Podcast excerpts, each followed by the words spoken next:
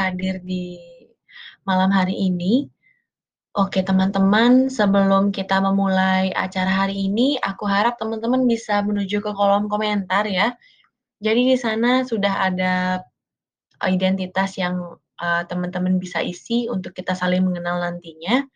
Dan juga teman-teman bisa mengisi bagian harapan. Harapan apa sih yang teman-teman uh, inginkan di Tabula Talks hari ini? Oke. Sekali lagi aku ingin menyapa untuk teman-teman semua. Terima kasih banyak sudah meluangkan waktunya untuk bisa hadir di acara Tabula Talks edisi 29 April 2022. Nah, terasa ya teman-teman, ternyata kita udah sampai di akhir April nih. Dan juga uh, teman-teman aku harapkan bisa tetap semangat sampai nanti akhir sesinya selesai. Oke teman-teman di mana pun berada, aku harap teman-teman dapat uh, tetap dalam keadaan sehat ya. Mungkin teman-teman masih ada yang dalam perjalanan atau mungkin masih bekerja di jam ini ya atau masih ada yang sambil ngerjain sesuatu nih. Semoga bisa tetap semangat sampai akhir sesi nanti. Oke teman-teman, sebelum itu kenalin nih, kembali lagi ya kita bertemu dengan aku Indah dan hari ini aku akan menjadi moderator atau host di Tabula Talks edisi kali ini dan akan menemani teman-teman semua kurang lebih 60 menit ke depan. Nah teman-teman apa sih yang mau kita bahas pada hari ini gitu ya? Hari ini kita akan membahas mengenai parenting style. Aku yakin sih teman-teman udah mengetahui sebenarnya topik apa sih yang akan kita diskusikan bersama hari ini. Nah, kalau menurut aku sendiri nih teman-teman, nanti mungkin teman-teman juga bisa uh, berpendapat ya kenapa sih menurut teman-teman uh, teman-teman itu tertarik untuk ikut Tabula Talks dengan membahas topik parenting ini. Oke, kalau menurut aku parenting, kenapa aku uh, suka banget sama isu atau topik yang diangkat hari ini, menurut aku gimana sih dengan kondisi uh, aku ya secara personal ini sudah mulai diapit nih sama beberapa relasi yang sedang melakukan atau menjalani proses parenting.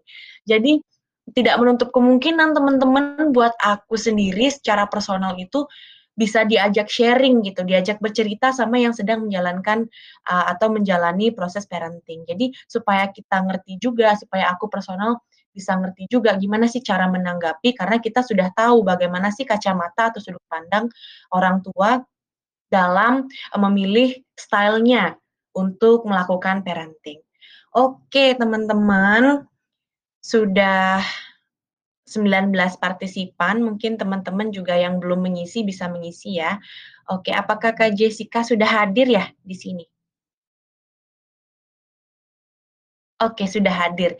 Jadi teman-teman, hari ini diskusi kita aku nggak bakal sendirian ya. Jadi hari ini kita ditemenin sama Kak Jessica Kristina Widikdo, MC psikolog. Nah, siapa sih Kak Jessica ini? Jadi Kak Jessica adalah seorang psikolog klinis remaja dan dewasa ya, teman-teman.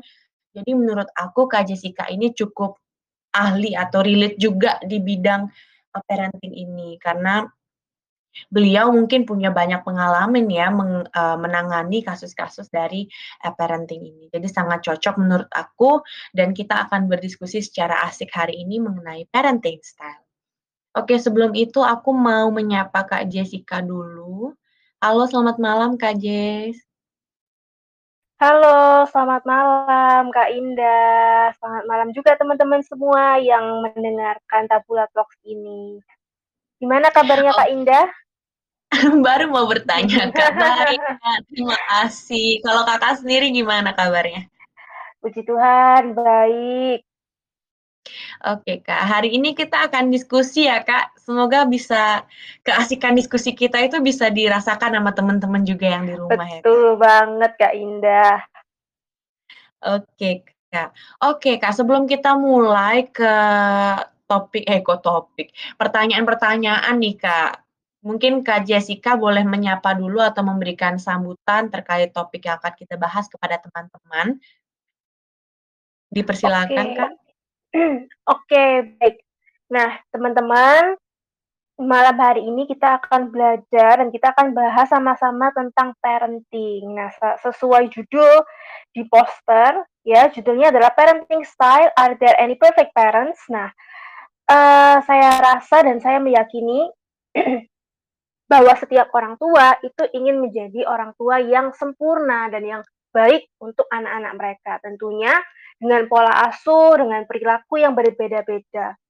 Mungkin juga bagi sebagian orang tua ada yang mengatakan, "Oh, orang tua atau si A ini kok pengasuhannya seperti ini ya, kok beda sama aku?" Atau ada juga yang mengatakan, "Oh, perilakunya orang tua atau perilaku si B ini kok kayak gitu ya, pantesan anaknya seperti itu." Nah, kita akan membahas terutama dari sisi psikologis, ada nggak sih pola pengasuhan yang paling baik atau sebenarnya ada nggak sih orang tua yang sempurna? Kalau memang ada, orang tua yang sempurna itu adalah orang tua yang seperti apa?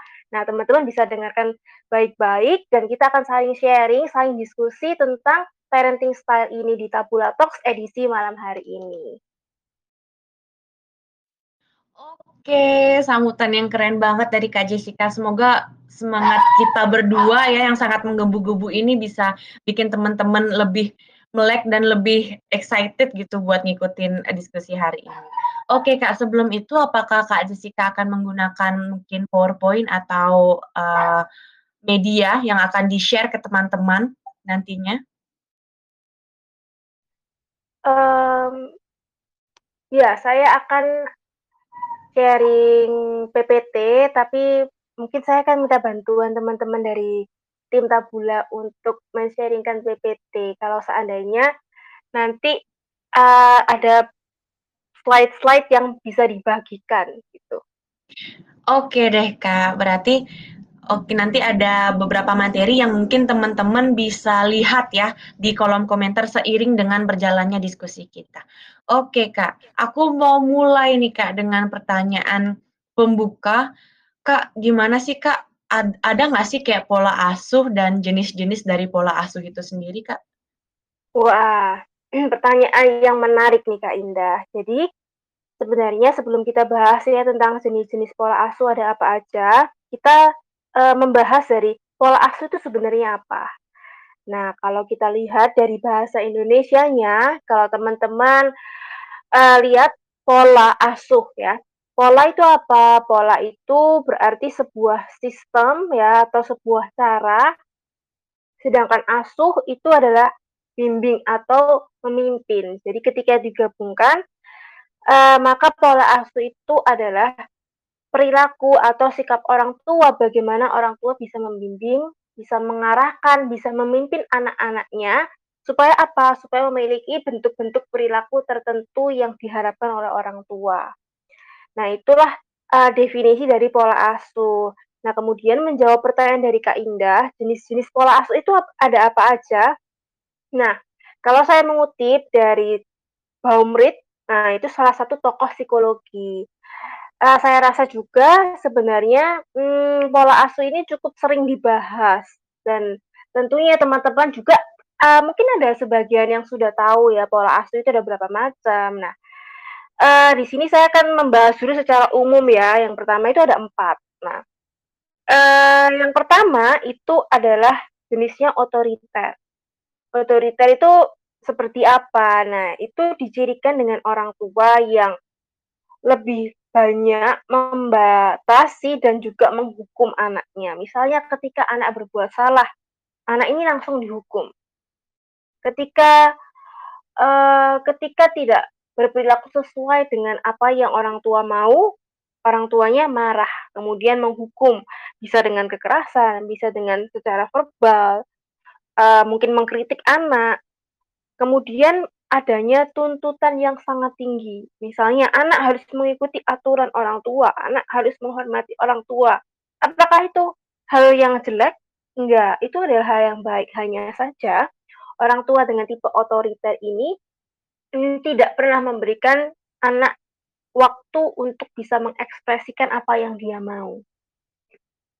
Nah, kemudian uh, untuk orang tua jenis otoriter ini mereka akan membatasi ya, jadi sangat-sangat membatasi, kemudian mengontrol, mengendalikan anak.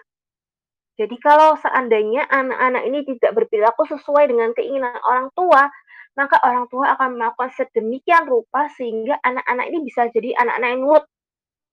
Nurut dalam arti sesuai kemauan orang tua.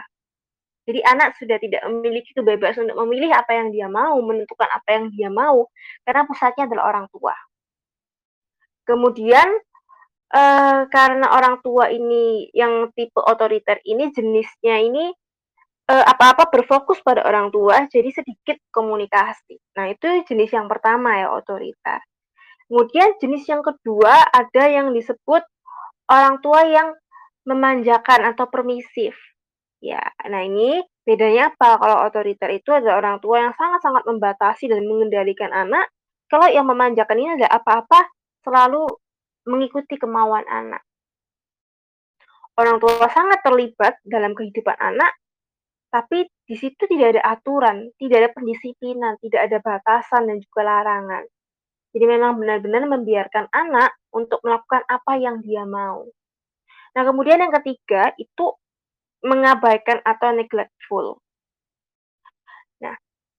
Uh, bedanya dengan dua yang awal tadi, kalau otoriter terlalu membatasi, kalau membanja, memanjakan tidak ada aturan yang jelas, tidak ada sistem pendisiplinan, kalau mengabaikan, justru orang tua ini tidak pernah terlibat dalam hidup anak.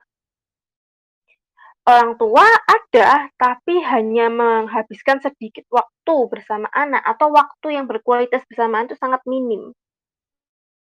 Kemudian sangat sedikit batasan dan juga larangan. Nah, kemudian tipe yang keempat itu disebut otoritatif atau autorita autoritarian.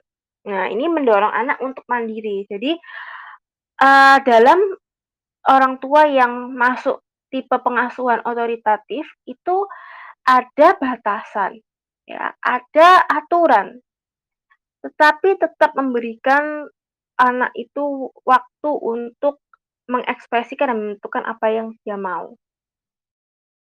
Kemudian sistem komunikasi ini dua arah. Tidak berpusat pada orang tua, sebenarnya berpusat pada orang tua, tapi orang tua tetap akan memberikan kebebasan bagi anak untuk mengutarakan apa yang dia mau. Dan uh, orang tua jenis ini ya yang menerapkan pola asuh otoritatif itu mendukung anak gitu.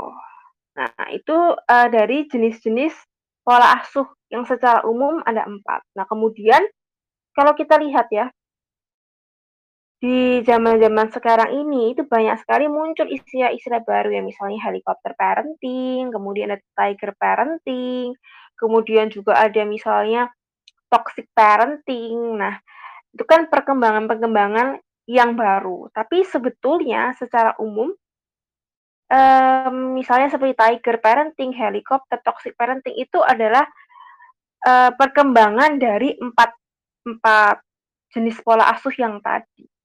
Kayak gitu, Kak Indah.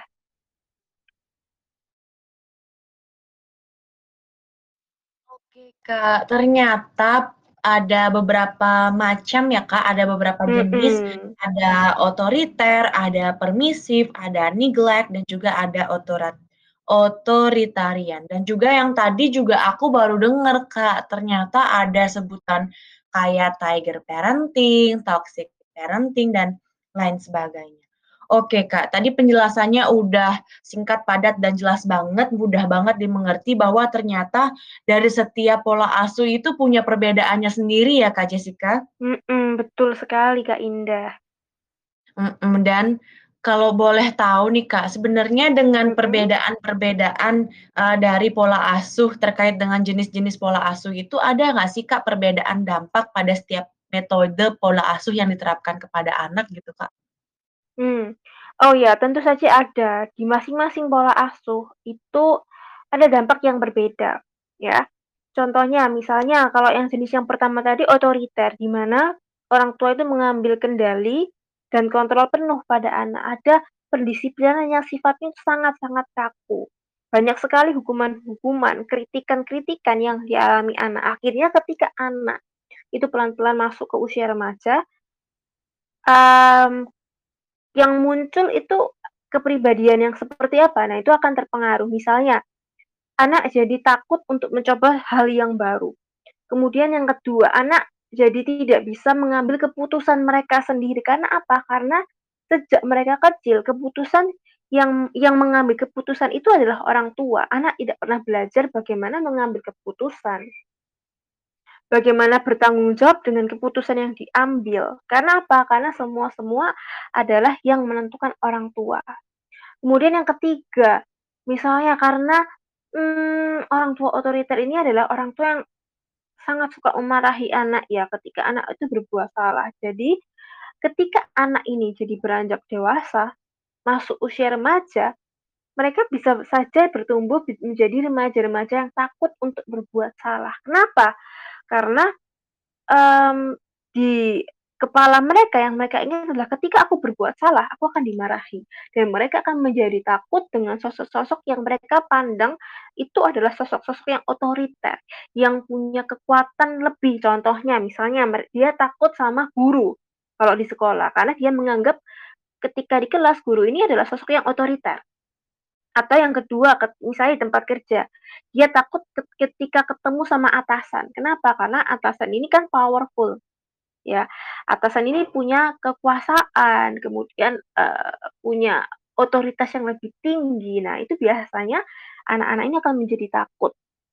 Kemudian ketika, eee, anak ini selalu terbiasa untuk mengikuti kemauan orang tua, tidak pernah bisa mengekspresikan apa yang dia mau, yang yang terjadi adalah mereka jadi takut takut untuk mengatakan tidak, takut untuk menolak permintaan orang lain. Takut untuk mengemukakan pendapat. Karena apa? Karena mereka tidak pernah dilatih untuk mengungkapkan apa yang dia inginkan saat ini, atau apa yang dia rasakan, sehingga dia pun secara emosi itu jadi kurang berkembang secara optimal, dan itu tentu saja akan mempengaruhi bagaimana ketika dia nanti yang berhubungan dengan, eee, orang lain, entah itu dengan temannya sendiri, ataupun dengan nanti ketika relasi berpacaran dan juga relasi pernikahan itu tentu saja akan berdampak. Nah, kemudian ketika kita membahas masalah akademis secara motivasi pun, itu juga akan terdampak. Nah, itu untuk yang pertama ya, untuk jenis otoriter. Nah, beda halnya kalau, eee, tadi orang tua menerapkan pola pengasuhan yang memanjakan atau permisif. Nah, anak-anak ketika anak-anak itu sangat-sangat dimanjakan, apa-apa, eee, "Anak, aku pengen beli mainan," langsung diberi, "Aku pengen ini," langsung dituruti. Nah, yang jadi apa, anak itu akan memberontak. Anak suka memberontak, anak akan terbiasa, apa yang aku mau, aku dapatkan. Dia tidak akan pernah belajar yang namanya apa itu kegagalan, apa itu usaha, bagaimana mencapai sesuatu. Karena apa? Karena dia tidak pernah dibentuk untuk melakukan itu. Dan ketika dia, mmm, anak eee, dari anak-anak masuk usia remaja, masuk dewasa, masuk ke dunia kerja, itu juga akan mempengaruhi. Mereka akan sulit untuk menghadapi kenyataan hidup ya misalnya. Ketika segala sesuatu tidak sesuai dengan apa yang dia mau, dia akan marah. Karena apa? Karena dari kecil dia yang dia tahu dan yang dia pelajari adalah apa yang aku mau, harus aku dapatkan. Tapi nanti ketika dia besar, ketika dia dewasa, dia akan mulai sadar bahwa segala sesuatu itu tidak bisa sesuai dengan apa yang dia mau. Tapi karena yang sudah dia pelajari adalah, aku nggak peduli, aku nggak nggak, eee, aku nggak mau tahu, yang penting semua orang harus sesuai dengan apa yang aku mau. Nah, inilah yang akan menjadi kendala ketika nanti dia dewasa. Kemudian yang kedua, ada kemungkinan ketika di sekolah prestasinya ini jadi rendah. Kemudian yang ketiga, ketika sejak kecil perilaku yang dibentuk adalah bahkan mungkin sebelum anak ini minta itu sudah disediakan sama orang tuanya, kemudian, eee, dia sekali dia minta langsung dituruti, itu dia akan punya sikap yang mendominasi. Aku aku harus menjadi yang pertama, aku. Jadi fokus di dirinya. Dia jadi kurang bisa mengendalikan diri, karena apa? Karena dia tidak pernah belajar bagaimana mengendalikan diri. Ketika sesuatu tidak sesuai apa yang dia mau, dia tidak pernah belajar untuk bagaimana, eee, mengatasi hal itu. Nah, itu untuk yang permisif. Nah, kemudian berikutnya, kalau untuk orang tua yang tidak pernah terlibat ya dalam hidup anak. atau mengabaikan anak. Nah, anak tidak akan pernah merasakan yang namanya kehadiran orang tua. Anak tidak akan memahami figur ayah itu yang seperti apa, figur ibu itu yang seperti apa. Dan nanti ketika dia harus berelasi dengan orang lain dan dengan orang baru, bisa saja dia menjadi anak yang rendah diri. Kemudian ketika dia sudah besar, dia berelasi ya dengan misalnya lawan jenis, dia akan bingung. Relasi lawan jenis seperti apa yang ideal? Karena apa? Karena dia tidak pernah memiliki gambaran dari kedua orang tuanya, karena orang tuanya tidak pernah terlibat dalam hidup. Kemudian biasanya secara emosi dia pun akan menjadi pribadi yang jadi uh, kurang peka sama situasi lingkungan sekitarnya, sama situasi emosional, dia akan kurang peka dan kurang sensitif dengan dengan lingkungan sekitar. Karena apa? Karena dia akan dia akan bingung. Dia tidak pernah merasakan um, kasih sayang itu yang seperti apa, memberikan perhatian itu yang seperti apa. Jadi karena dia tidak pernah mendapatkan itu ketika di rumah. Nah, kalau orang tua yang tipenya otoritatif, Dampaknya apa? Nah, ini karena um, selalu memberikan ruang untuk anak berekspresi, memberikan waktu dia untuk bersikap mandiri dan bertanggung jawab, maka anak akan memiliki keterampilan sosial yang cukup baik. Dia tahu bagaimana bisa membangun relasi yang baik dengan lingkungan. Dia tahu dan memiliki gambaran yang cukup ideal ya mengenai bagaimana sih harus menjalin hubungan dengan lawan jenis. Kemudian figur ayah itu figur yang seperti apa, figur ibu itu figur yang seperti apa, dan ini konsep-konsep seperti ini yang nantinya akan membantu anak untuk menjalin relasi dengan orang lain. Kemudian anak juga tidak takut untuk menjalin relasi dengan orang baru. Kemudian juga dia bisa saja lebih percaya diri, menjadi orang yang lebih kreatif, dan tentu saja uh, dia cukup mampu untuk mengambil keputusan secara mandiri. Karena apa? Karena ya ya yang dari kecil dia pelajari adalah dia mau tidak mau dia diberikan ruang untuk berpendapat sama orang tuanya. Sehingga berpendapat adalah hal yang sering dilakukan oleh anak-anak yang memiliki pola asuh yang mengalami pola asuh otoritatif ini tadi. Nah, itu sih dampak-dampak dari keempat jenis pola asuh itu tadi, Kak Indah. Baik, penjelasannya udah jelas banget, Kak. Aku juga menjadi lebih ada pemahaman nih, oh ternyata begini loh dampak-dampak dari uh, berbagai macam jenis pola asuh yang ternyata diterapkannya berbeda, ciri khasnya berbeda, dan ternyata punya dampak yang berbeda juga. Kak Jessica, ternyata di kolom komentar itu kan kita membuat polling dan sudah ada beberapa teman-teman yang ternyata mengatakan bahwa orang tuanya itu menerapkan pola asuh yang otoriter gitu. Ada juga yang mengatakan kalau misalnya uh, kakak ini akan menerapkan uh, jalur otoriter juga karena mengikuti bagaimana didikan orang tuanya. Nah, sebenarnya Kak, ini yang akan menjadi pertanyaan selanjutnya dari aku, Kak. Ternyata teman-teman yang hadir di sini itu sangat relate dan juga bisa sama-sama merasakan ya ternyata oh ternyata berbeda loh pengasuhan pola pola asuh orang tua ini gitu. Jadi dari yang teman-teman sampai ini kolom komentar, aku juga pengen nanya Kak, sebenarnya faktor-faktor apa aja sih yang menyebabkan uh, orang tua itu dapat menerapkan pola asuh yang berbeda gitu, Kak?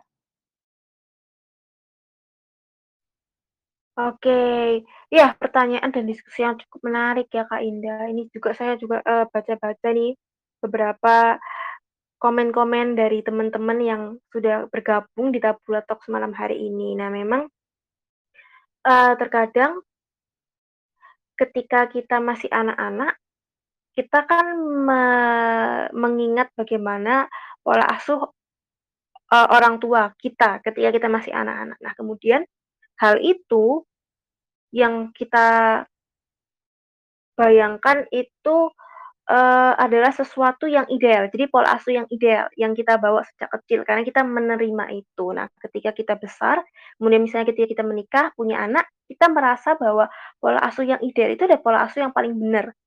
Dari orang tua kita sebelumnya.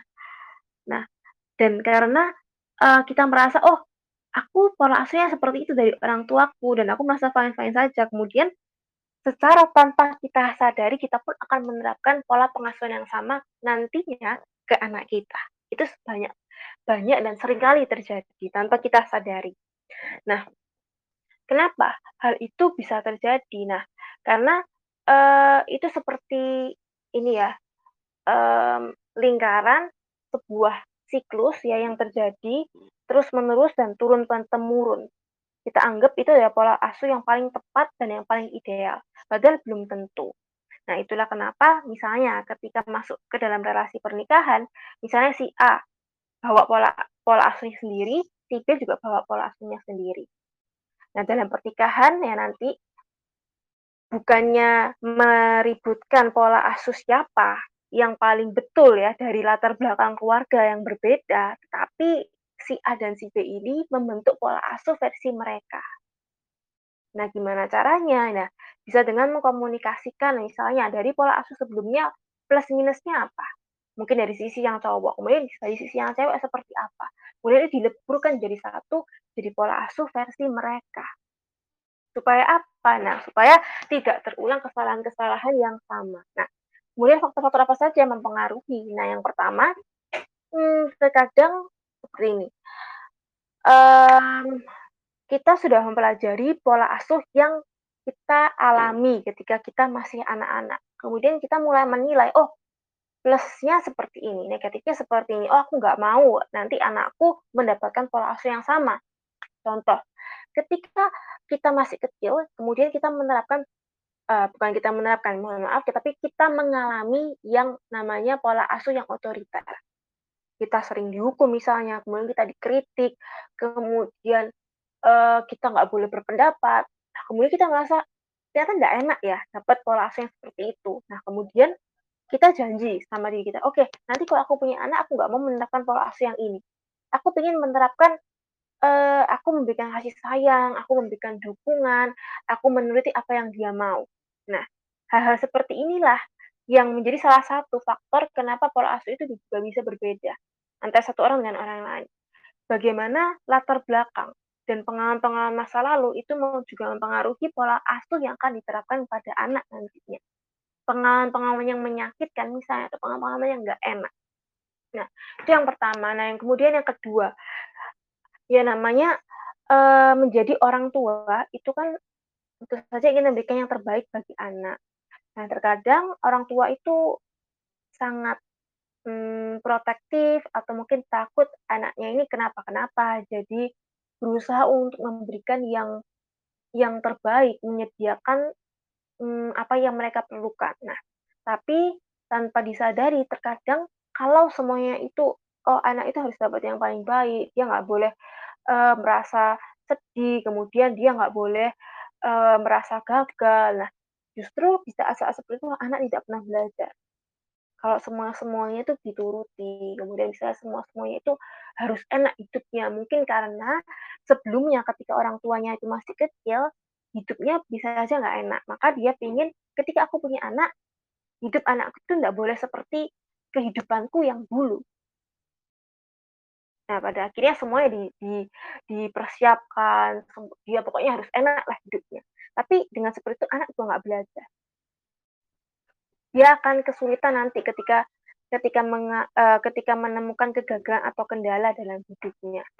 Nah, faktor-faktor seperti itulah yang pada akhirnya menyebabkan banyak sekali orang tua itu memiliki versi yang berbeda.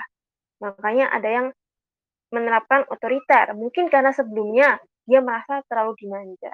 Ada juga yang menerapkan otoriter karena mungkin di di pola asuh yang sebelumnya ketika ketika yang jadi orang tua ini ketika masih anak-anak dia mendapatkan pola asuh yang otoriter juga. Nah, itulah beberapa faktor yang bisa mempengaruhi uh, pola asuh yang dimiliki oleh orang tua dan kenapa antara satu orang tua dengan orang tua lain itu juga bisa berbeda. Seperti itu, Kak Indah. Yes, Kak Jessica. Dari penjelasannya aku sangat meng-highlight dan sangat menotis nih, Kak, bahwa gimana sih orang tua kita atau bahkan rekan-rekan kita yang lain yang sudah menjadi orang tua itu dalam menerapkan pola asuhnya ternyata banyak sekali faktor-faktor pengalaman. Mungkin entah pengalaman dari uh, orang tuanya, pengalaman dari teman, dan akhirnya merangkum semua itu dan berusaha untuk menjadi orang tua yang ideal. Oke Kak, kita bahas nih Kak, sekarang aku juga pengen tahu nih Kak, gimana, uh, ada nggak sih kayak pola asuh yang paling baik untuk diterapkan ke anak-anaknya nanti gitu? Oke, nah kalau dari empat jenis pola asuh yang tadi sudah saya sampaikan, nah yang paling baik dan sebenarnya paling efektif itu adalah yang tipe demokratis di mana orang tua itu akan selalu memberikan ruang pada anak untuk berpendapat dan mengekspresikan apa yang dia mau. Tapi tetap ada batasan yang jelas, aturan yang jelas, kemudian pendisiplinan yang jelas. Kenapa? Karena supaya anak juga belajar untuk bertanggung jawab. Kemudian yang diperlukan anak apalagi? Yang pertama adalah waktu yang berkualitas dengan aturan yang jelas.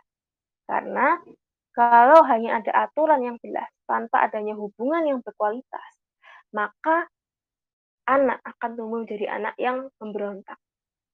Ingat ya, kalau aturannya jelas, tapi tidak ada hubungan yang berkualitas, anak itu akan memberontak. Kalau hubungan yang berkualitas tanpa aturan yang jelas, maka anak bisa saja menjadi anak yang dimanja.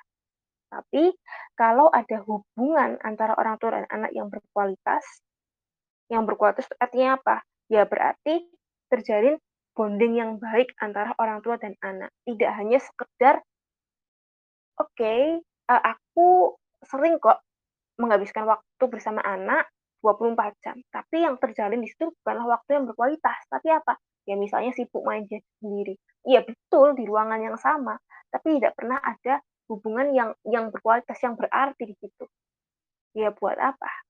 Yang paling penting adalah hubungan yang berkualitas ditambah aturan yang jelas, maka anak itu akan tumbuh menjadi anak yang tahu arti disiplin, anak yang tahu arti kemandirian, anak yang tahu arti uh, perjuangan dan berani untuk mengambil keputusan. Nah, itu uh, pola asuh yang yang efektif. Nah, kemudian untuk orang tua juga, nah untuk orang tua ketika misalnya berbuat salah sama anak, sering kali yang saya temukan ya di dalam beberapa kasus-kasus, entah itu kasus konseling atau konsultasi yang pernah saya um, tangani, terkadang namanya orang tua itu merasa um, gengsi atau segan ketika harus minta maaf kepada anak. Padahal ketika orang tua itu tidak segan atau ketika orang tua terbiasa untuk minta maaf sama anak ya, terutama ketika orang tuanya berbuat salah sejak anak itu kecil ya, bilang maaf, itu anak itu belajar. Anak itu juga nanti akan ketika dia besar berbuat salah sama papa, papa mamanya, dia pun akan bisa ngomong maaf ke orang tuanya. Nah, tapi sering kali tidak dilakukan dan pada akhirnya anak pun ketika mau mengucapkan maaf ke orang tuanya itu jadi kayak dia tahu harus bilang maaf, tapi untuk keluarnya itu susah gitu, jadi gengsi gitu. Karena apa? Karena dia tidak pernah terdilatih untuk itu dan tidak pernah terbiasa untuk melakukan hal itu. Maka kalau ingin memiliki anak dengan pola perilaku tertentu, misalnya ingin jadi uh, anak ini uh, harus bisa minta maaf atau mungkin bilang terima kasih dan sebagainya dan sebagainya, maka orang tua itu harus menjadi role model untuk anak mereka. Itu sih uh, dari saya Kak Indah. Oke, terima kasih penjelasannya Kak Jessica. Dari sini kita bisa lihat ya teman-teman, semoga teman-teman juga sepemahaman nih dengan aku bahwa kalau misalnya kita itu menjadi orang tua atau kita melihat di sekeliling kita ada yang menjadi orang tua, yang harus kita perhatikan adalah bagaimana kita memberikan model yang baik untuk anak. Karena anak itu kan kita lah juga sebagai anak gitu, kita memodeling bagaimana perilaku orang tua kita. Kalau misalnya kita ingin dididik untuk menjadi orang yang bisa terbuka minta maaf jika salah, atau mungkin terbiasa mengucapkan terima kasih atas apa yang sudah diberikan kepada kita, ya kita harus, eee, tahu dulu gitu gimana rasanya diucapkan maaf, gimana sih caranya mengucapkan maaf atau mengucapkan terima kasih, begitu ya Kak Jessica? Betul sekali Kak Indah. Oke Kak, aku mau lanjut lagi nih Kak. Sekarang aku pengen nanya Kak, gimana sih cara untuk menjadi orang tua dengan pola asuh yang baik? Ini itu, eee, aku baca juga di kolom komentar Kak, ternyata di sini banyak banget yang bener-bener pengen nanya Kak, tadi juga ada beberapa yang sudah mengaktifkan fitur raise hand-nya gitu, sudah nggak sabar pengen, "Kak, aku pengen nanya," gitu. Tapi mohon maaf teman-teman, kita buka sesi tanya jawab setelah materi ini ya. Dan juga ada juga nih Kak yang bilang di kolom komentar kalau misalnya, mmm, Kak Lalita ini tuh dididiknya itu dengan pukulan dan juga, eee, broken home. Jadi bingung mau ngasuh anak, eee, jadinya ngikutin didikan apa, karena pengalaman dari Kak Lalita ini adalah, eee, mengalami pengasuhan yang otoriter. Nah, jadi gimana sih Kak untuk menjad untuk melakukan pola asuh yang baik gitu? Oke, ya memang nantinya apa yang saya sampaikan itu, mmm, saya tahu apa yang akan saya sampaikan ini pasti kelihatannya akan sulit untuk dilakukan. Kalau hanya sekedar ngomong saja, seperti ini, itu gampang. Tapi ketika nanti real menghadapi anak, ya itu pasti banyak sekali dilema dan juga kendalanya. Nah, orang tua sendiri pun juga berproses di situ. Ingat, tidak pernah ada orang tua yang sempurna di dunia ini, tapi untuk menjadi sempurna itu bisa dengan berproses, ya.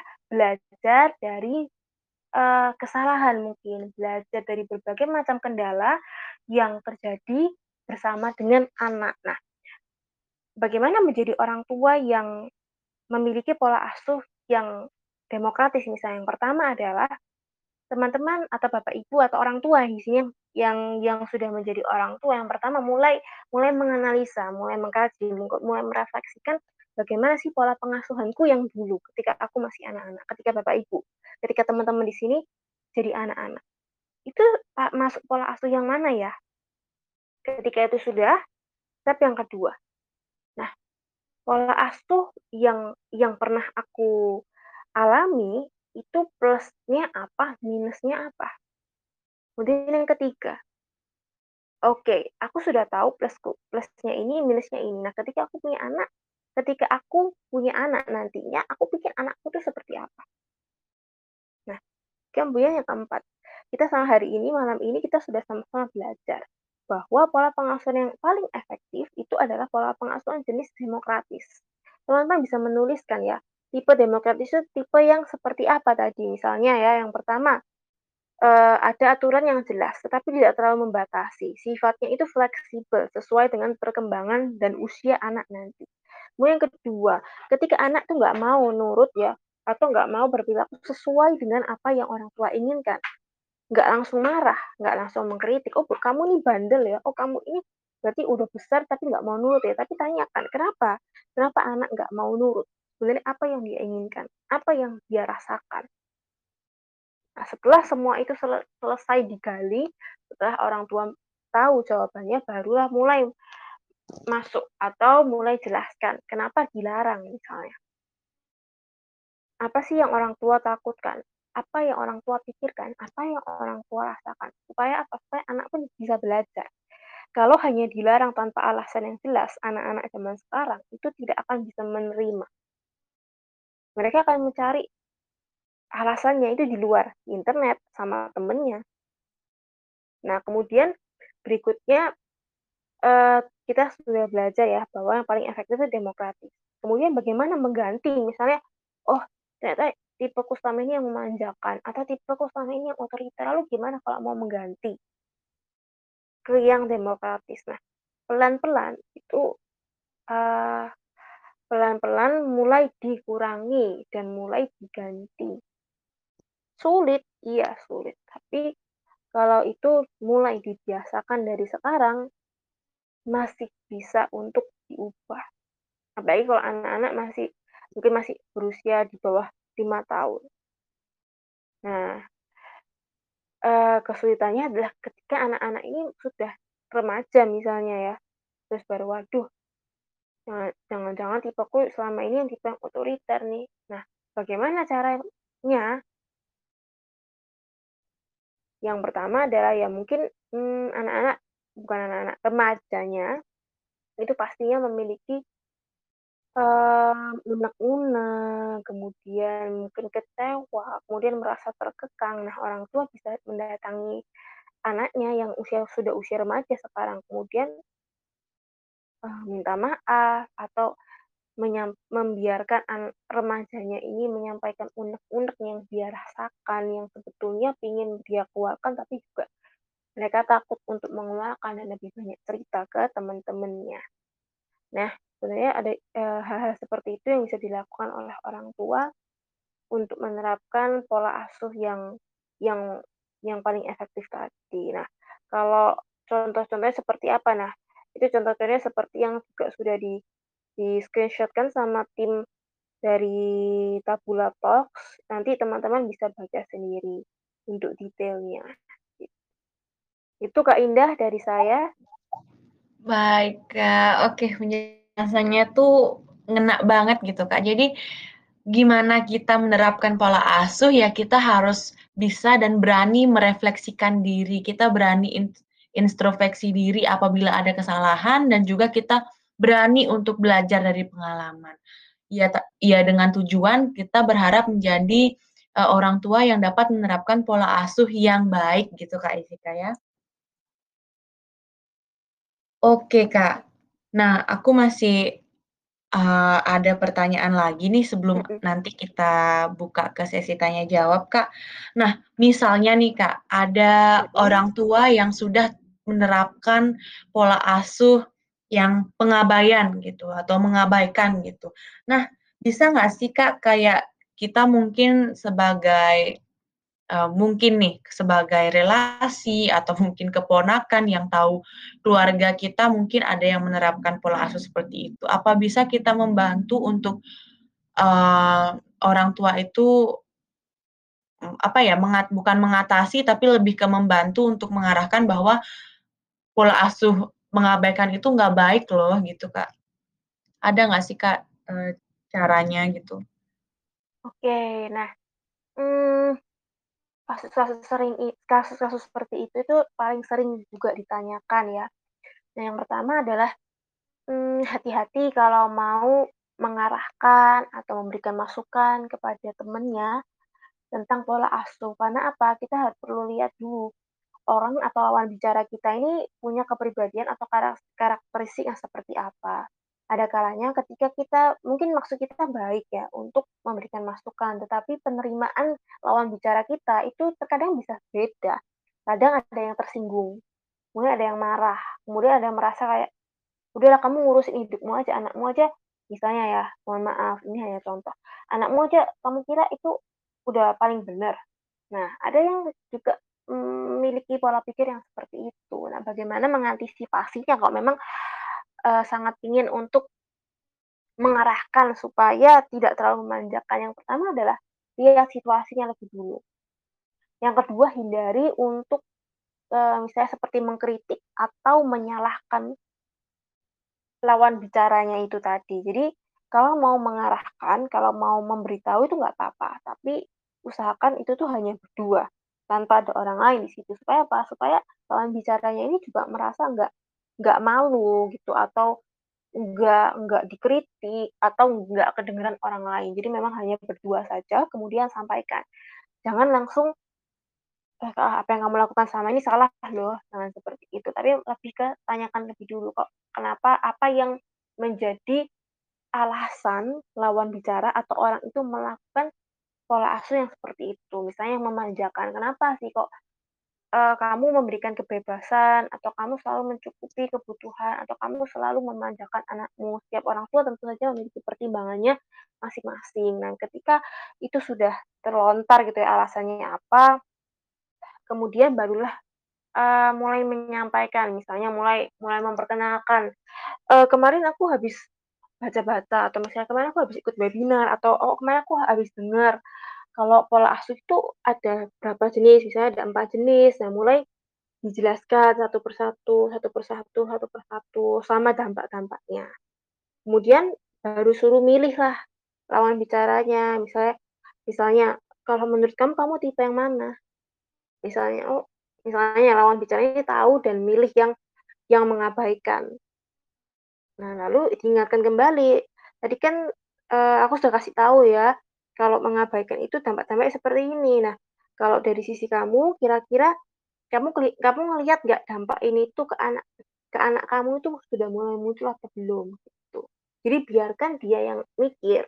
Kalau kita yang langsung menyalahkan atau pantas pantasan anak kamu gak gini, soalnya kamu gak gini. Nah, pastinya dia akan menjaga jarak dari kita.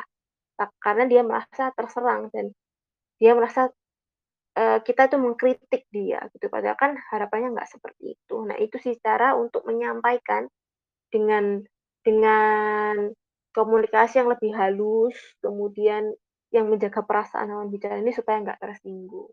Seperti itu, Kak Indah.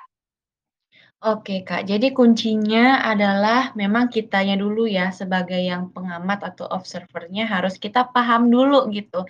Sebenarnya ada loh beberapa pola asuh yang ternyata jenis penerapannya itu berbeda. Baru nanti kita perhatikan situasi sekitar atau mungkin bisa bicara secara personal kepada yang melakukan uh, pola asuh tertentunya itu, baru mungkin kita memberikan saran dan tidak memberikan judgement, lebih bertanya dulu alasannya, kenapa sih lebih memilih untuk melakukan hal tersebut gitu ya Kak Jessica?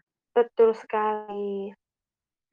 Oke Kak Jessica, kita sudah habis nih Kak materinya, tapi mau buat buka tanda buka sesi tanya jawab dulu nih ke teman-teman. Karena dari tadi udah ada beberapa teman-teman yang ternyata mengaktifkan fitur raise hand dan juga sudah ada yang menulis di kolom komentar dan sangat ingin bertanya.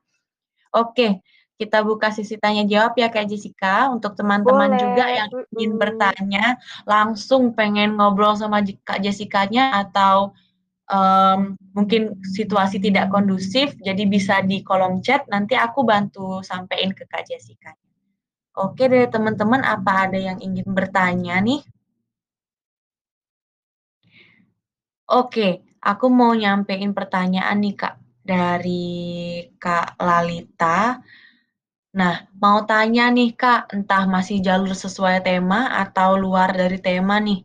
Banyak nih orang tua yang dengan kalimat, anak kalau nggak dipukul nggak akan paham, itu akan kena mental anak sampai dewasa atau enggak ya Kak? Hmm. Boleh dijawab Kak Jessica? Oke, nah, hmm, anak gini, uh, itu bisa saja mempengaruhi uh, pemahaman dan konsep anak ya mengenai dipukul dan tidak. Artinya kalau itu terus-menerus disampaikan ke anak, akhirnya yang yang mereka pahami adalah, oh kalau mau buat orang lain nurut atau kalau mau buat orang lain itu uh, sesuai dengan apa yang aku mau, berarti harus mukul. Nah, ketika dia ketemu di sebuah situasi di mana nggak sesuai sama apa yang dia mau, jadinya perilaku yang keluar adalah memukul. Nah, betul sekali itu akan mempengaruhi mental anak juga. Karena apa? Karena kalau anak masih usia sekitar 2 tahun, 3 tahun, 4 tahun, 5 tahun, mereka kan belajar dari observasi. Mereka juga belajar dari apa yang mereka dengar dari lingkungan sekitar. Ketika yang yang didengar terus-menerus adalah tentang itu, anak kalau nggak apa tadi kalimatnya? Anak kalau nggak dipukul uh, nggak akan ngerti kak. Nah, anak kalau nggak dipukul nggak akan ngerti. Berarti untuk membuat ngerti seseorang, ya aku harus main tangan untuk mukul. Karena itu yang aku dengar terus-menerus. Nah, itu bisa mempengaruhi psikologisnya anak juga. Ketika nanti ya dia dia dewasa, dia jadi remaja, seperti itu. Tentu saja itu akan mempengaruhi kondisi psikologis. Oke Kak, ini sama ya sama penjelasan yang tadi ya Kak, yang Kakak sampaikan kalau misalnya mm -hmm. anak itu adalah anak itu sangat memodeling bagaimana orang tuanya. Jika kita mau anak bisa mengucapkan terima kasih, ya setidaknya kita bisa mengajarkan caranya anak untuk begini loh caranya mengucapkan terima kasih, "Oh ternyata anak itu menerima, oh ternyata seperti ini ya rasanya diucapkan terima kasih, begini ya rasa mengucapkan maaf dan rasa menerima permintaan maaf." Dan begitu pula sebaik sebaliknya ya, Kak. Jadi ketika kita mendapatkan perilaku dipukul dan juga mungkin mengalami, eee, kekerasan gitu di rumah dan yang akan kita pelajari atau yang akan kita modeling adalah perilaku tersebut gitu Kak Jessica ya? Betul sekali. Oke, Kak. Terima kasih, Kak, atas jawabannya. Apakah, eee, menjawab ya, Kak Lalita? Mungkin bisa dijawab di kolom chat. Oke, selanjutnya ada pertanyaan dari Kak Rizky. "Halo Kak Indah, Kak Jessica, izin bertanya, Kak. Dari keempat pola asuh yang tadi, apakah bisa orang tua itu memiliki pola asuh yang berbeda dalam mendidik anaknya? Misal, ada kalanya orang tua otoriter, tapi di sisi lain cenderung mengabaikan misalnya, Kak." Silakan Kak Jessica. Oke, terima kasih pertanyaannya dari Kak Rizky. Nah dari empat hal eh, 4 jenis pola pengasuhan yang tadi sudah saya sampaikan, nah sebetulnya memang ada kalanya itu, mmm, kombinasi, tetapi pasti ada salah satu yang lebih dominan, entah itu misalnya otoriternya, atau demokratisnya, atau yang permisif, atau yang neglectful. Karena apa? Karena, eee, mungkin ada kalanya orang tua ini bisa memanjakan, tapi ada kalanya dia bisa, eee, otoriter. Nah, tapi itu nanti ada yang lebih dominan gitu, entah itu sisi otoriternya atau memanjakannya. Karena apa? Karena itu kan jadinya itu kan jadinya ini ya, bertolak belakang kan ya. Ya kan, misalnya memanjakan sama otoriter itu kan nggak nggak mungkin bisa bisa disandingkan gitu. Nah, jadinya pastinya ada satu yang dominan, yang selalu diterapkan orang tua tanpa mereka sadari. Dan akhirnya itu yang akan membantu membentuk pola, eee, perilaku anak. Oke, berarti kemungkinan memang, eee, dalam salah satu kondisi dapat memunculkan perilaku atau, eee, pola asuh yang berbeda, tapi tetap hanya satu perilaku dan dalam pola asuh tersebut yang dominan gitu Kak Jessica Iya, ya? betul sekali. Oke. Kak Rizky apakah menjawab atau tidak? Kalau kurang jelas bisa tanyain lagi Kak, mungkin bisa disampaikan di kolom komentar. Oke, dari teman-teman apakah tidak ada yang mau menyampaikan pertanyaan secara langsung? Tadi udah ada 4 atau 5 orang yang raise hand. Oke, Kak, sambil menunggu mungkin, eee, teman-teman masih, eee, mengetik, oke ada respon dari Kak Lalita. "Alhamdulillah terima kasih Kak. Kak, cara kita lagi emosi sama anak, daripada kita pukul, ada nggak ya untuk nahan emosi ke anak, Kak?" Mungkin Kak Jessica bisa jawab, Kak? Oke, yang pertama cara menahan emosi ke anak, yang pasti kan kalau misalnya lagi pengen marah terus lagi jengkel, nah langsung, eee, jauh jauhkan diri dari anak atau me time dulu. Maksudnya, mmm, berikan berikan jeda pada diri sendiri, berikan ruang dan berikan waktu untuk diri sendiri, supaya bisa cool down. Nah, kalau sudah betul-betul sedikit rileks, kemudian kepala dingin, emosi sudah mulai stabil, sudah mulai bisa bicara dengan baik, dengan kepala dingin, datang lagi ke anak. Kemudian sampaikan apa yang ingin disampaikan dengan cara yang baik. Karena apa? Kalau misalnya langsung emosi, nah itu yang juga anak pelajari, gitu. Oke, Kak. Tadi Kak Lalita terlihat raise hand, apakah Kak Lalita ingin berbicara langsung, Kak?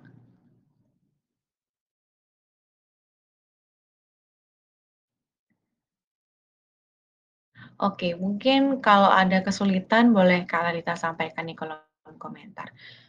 Baik, terima kasih banyak jawabannya Kak Jessica. Dari teman-teman yang lain apakah masih ada pertanyaan?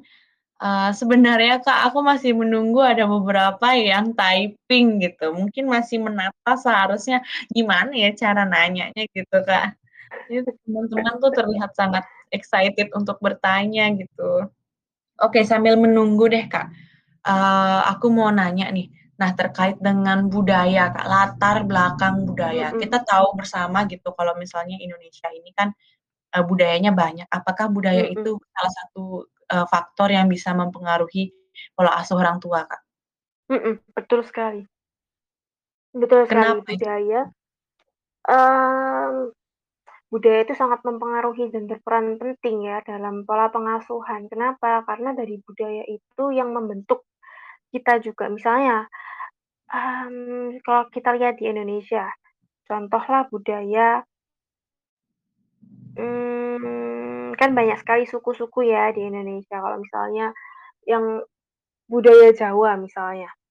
Nah, itu kan pasti yang tata kramanya itu harus, eee, yang benar-benar saklek gitu, eee, harus mematuhi orang yang lebih tua, kemudian ada ada caranya sendiri gitu. Nah kemudian juga, mmm, ada pendisiplinan yang yang ketat juga. Nah itu jadinya, eee, lebih ke otoriter. Nggak semua, tapi kalau ditarik ya ke zaman-zaman dulu ya, zaman-zaman dulu, itu kan orang tua lebih banyak menerapkan pola pengasuhan otoriter. Ya ini untuk yang misalnya usia yang sekarang sekitar 40-an, 50-an tahun, itu kan zaman-zaman pola asuh otoriter itu yang yang paling dominan. Makanya kalau teman-teman perhatikan orang tua orang tua yang sudah berusia 50-an tahun ke atas, 40 sampai 50 tahun, mereka akan mengatakan seperti ini, "Zaman mama dulu ya, atau zaman papa dulu ya, nggak ada yang seperti ini dan bla bla bla bla bla bla bla." Nah, itu karena sudah ada pergeseran. Budaya mulai bergeser, zaman mulai bergeser. Dan, mmm, zaman sekarang sudah mulai mengetahui bahwa pola pengasuhan yang lama itu tuh tidak bisa diterapkan di kondisi dan generasi sekarang ini. Pola pengasuhan otoriter yang semua berpusat, "Kamu harus mendengarkan, kamu harus nuruti apa yang aku mau." Itu mulai ditinggalkan dan mulai menyadari bahwa sebetulnya anak itu juga butuh ruang untuk diberi kebebasan. Nah, itulah kenapa di psikologi sendiri, pola asuh itu tuh juga mulai bergeser. Dan mulai digaungkan dan juga, eee, memberikan edukasi kepada orang tua bahwa, eee, mengadopsi pola asuh yang dulu-dulu dulu, itu nggak selalu tepat dan nggak selalu efektif. Tapi ada loh pola asuh yang efektif itu ada. Ya yang demokratis itu tadi, kalau memang mau supaya anak itu bisa bertumbuh dan juga berkembang secara optimal, baik itu dari segi sosial, pengambilan keputusan, kemudian secara akademik, yang membekali mereka untuk bisa beradaptasi di lingkungan yang baru, terus nanti di situasi kehidupan di di fase-fase hidup berikutnya. Itu, Kak Ok Indah. oke, Kak Jessica, terima kasih, Kak, sangat menjawab nih dari pertanyaan aku. Kita lanjut nih, Kak, ternyata masih banyak yang excited untuk bertanya. Pertanyaan dari Kak Rizky lagi nih, Kak, lalu apakah bisa ya, Kak, orang tua itu menerapkan pola asuh yang berbeda antar siblings misalnya? Ada favoritism misalnya, jadi ada anak yang dimanjakan, tapi saudara lainnya ternyata diasuh dengan pola yang otoriter atau bahkan diabaikan.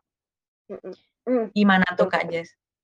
Nah, oh ini pertanyaan yang menarik ya, Kak Rizky. Terima kasih juga sudah bertanya. Ya, betul sekali, ada. Misalnya eee, itu kelihatan ya dari urutan anak. Ah, misalnya anak pertama sama anak terakhir, itu berbeda pola asuhnya. Itu sering kali terjadi. Misalnya kalau anak pertama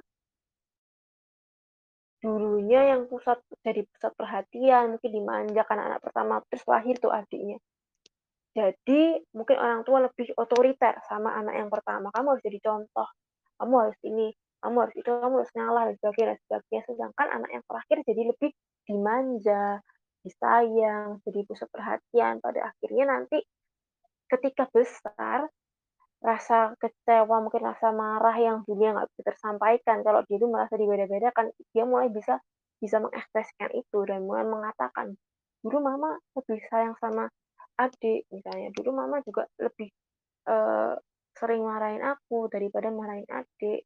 Nah, itu yang berbahaya. Jadi pola asuh yang baik itu juga adalah pola asuh yang konsisten dan sama, baik itu di anak pertama, anak kedua, anak ketiga.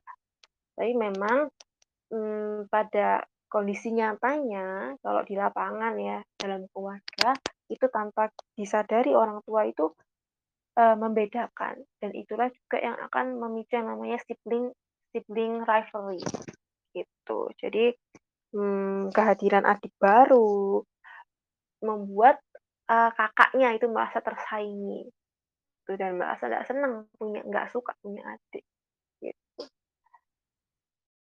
Oke, baik. Ternyata memang, eee, memungkinkan ada dan dampaknya pun berbeda gitu, Kak, ya, hasilnya nanti dari anak pertama atau anak kedua, mungkin saja bisa menyebabkan sibling rivalry. Oke, dari Kak Rizky sendiri apakah sudah menjawab? Boleh nanti ditulis di kolom komentar. Oke, selanjutnya pertanyaan dari Kak F.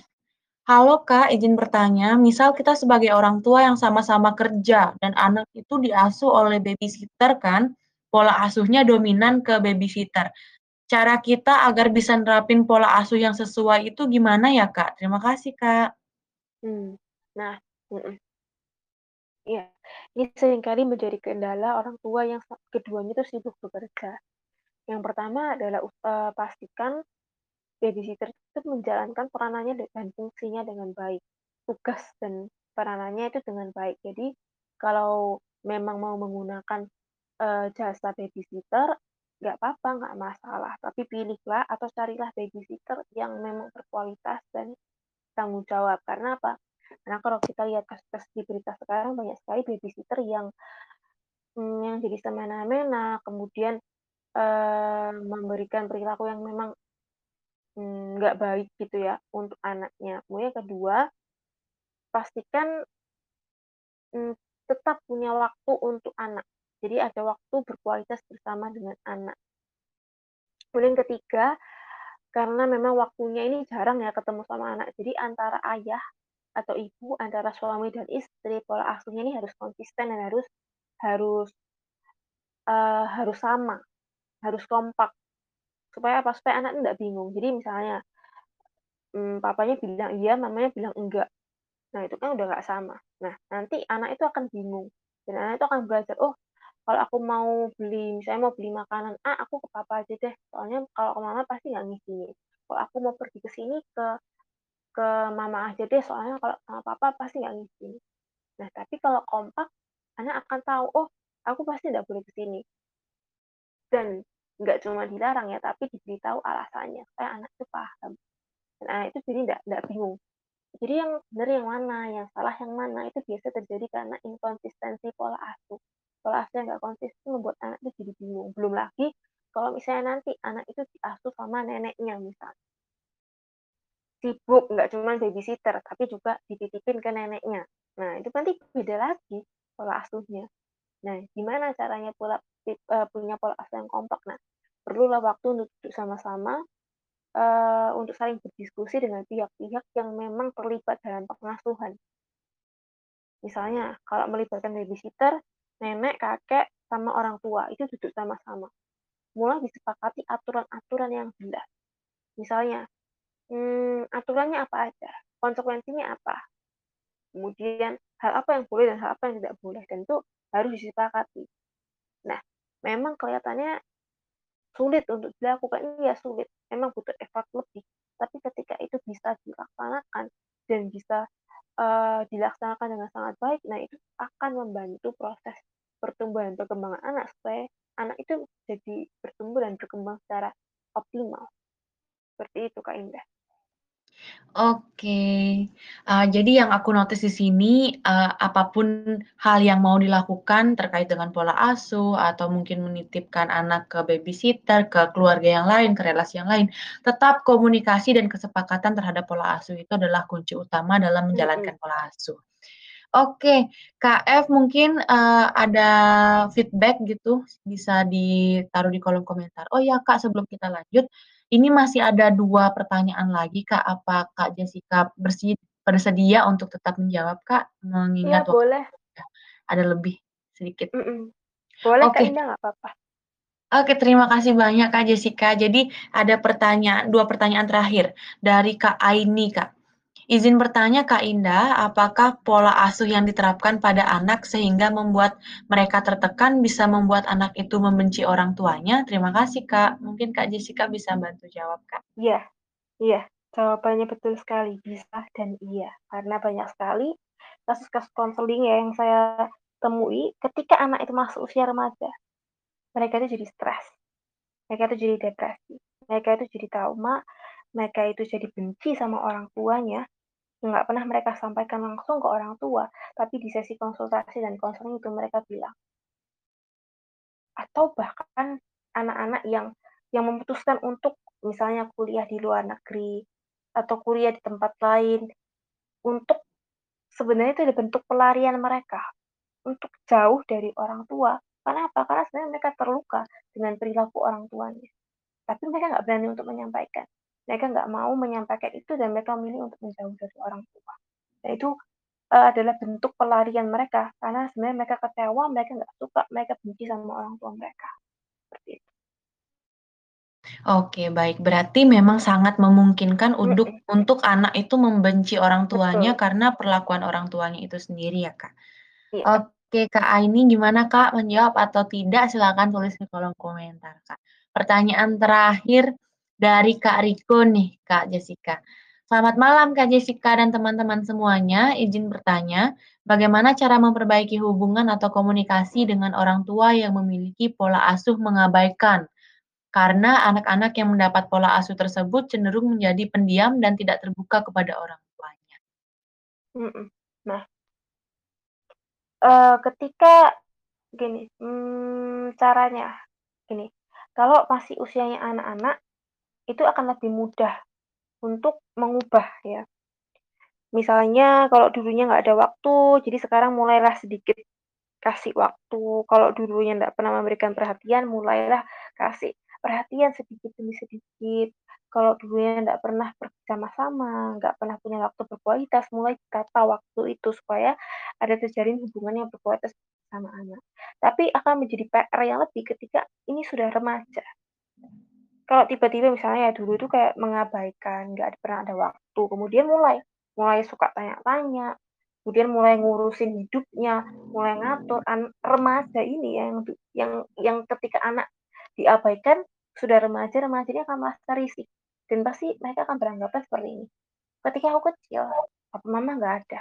Ketika aku sudah masuk remaja kok mau ngatur hidupku?